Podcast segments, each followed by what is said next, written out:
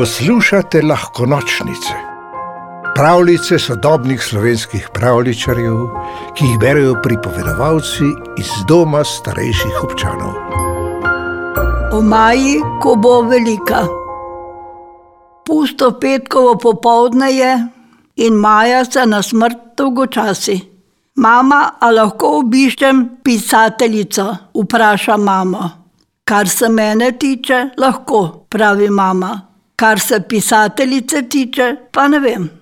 Maja urno steče iz hiše, pohiti čez ulico, prečka vrt in pritisne na pisateljičin zvonec.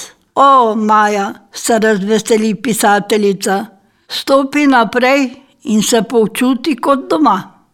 Samo še nekaj neobogljivih besed polovim na papir, da se mi ne bodo spotikale po glavi, se zasmeje. Maja pokima in počohlja pisateljičinega mačka. Vse imam čas, reče in opazuje, kako se pisateljica natakne smešna okrogla očala in sede na veliko mavrično žogo na mesto na stol. Videti je na vse zabavno in prav nič dolgočasno, tako le sedeti na veliki mavrični žogi in pisati pravljice. Zakaj pa ne sediš na stolu? vpraša Maja. Saj sedim, se zasmeje pisateljica, dokler se moja zadnja plat ne naveliča. Kdaj pa se naveliča? Ko predolgo sedim in pišem predolge pravljice, pravi pisateljica. Sem že končala, doda, in staromoden pisalni stroj preneha drdrati. Zakaj pa ne pišeš na računalnik? vpraša Maja. Zakaj pa ti nisi danes pri Zofiji? Ji vrne pisateljica in prikotali k Maji veliko mavrično žogo. Je ni doma, z dihom pojasni Maja. Kaj pa Sven? zanima pisateljico. Ob petkih igra klavir. Kaj pa ti? Nič, je redko besedna Maja. Danes smo se v vrtu pogovarjali, kaj bomo, ko bomo veliki, doda. No, in Sej veš, Zofija je rekla, da bo zdravnica, Sven je rekel, da bo dirigent, Daša je rekla, da bo sodnica, in Žiga je rekel, da bo predsednik države. Kaj pa ti? vpraša pisateljica in nagajivo pomižikne.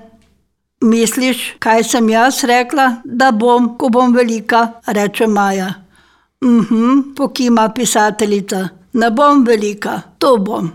Je to kakšen nov poklic? Mhm, pokima Maja, otroški. Pisateljica se zasmeje in posadi Majo na veliko mavrično žogo. Veš kaj, reče. Mislim, da morava tvojemu bodočemu poklicu na čast zdaj le pri priči pojesti za res veliko porcijo malin, borovnic in vaniljevega sladoleda. To namreč sila dobro in vzpodbudno deluje na bodoči otroški poklic, celo pri tistih, ki so že odrasli, pravi in izgine v kuhinji. In pozneje, ko sta prazni skodelici za sladoled že v pomivalnem stroju in se Maja in pisateljica na vrtu igrata ristanc, je Maja povsem prepričana, da je imela pisateljica prav. Pravljico napisala Bina Štampe Žmavc, pripovedovala Predalič Milena. V deželo princesk, zmajev, gozdnih vil in ostalih čarobnih biti ste vabljeni na lahko nočnice, pika si, pa lahko noč.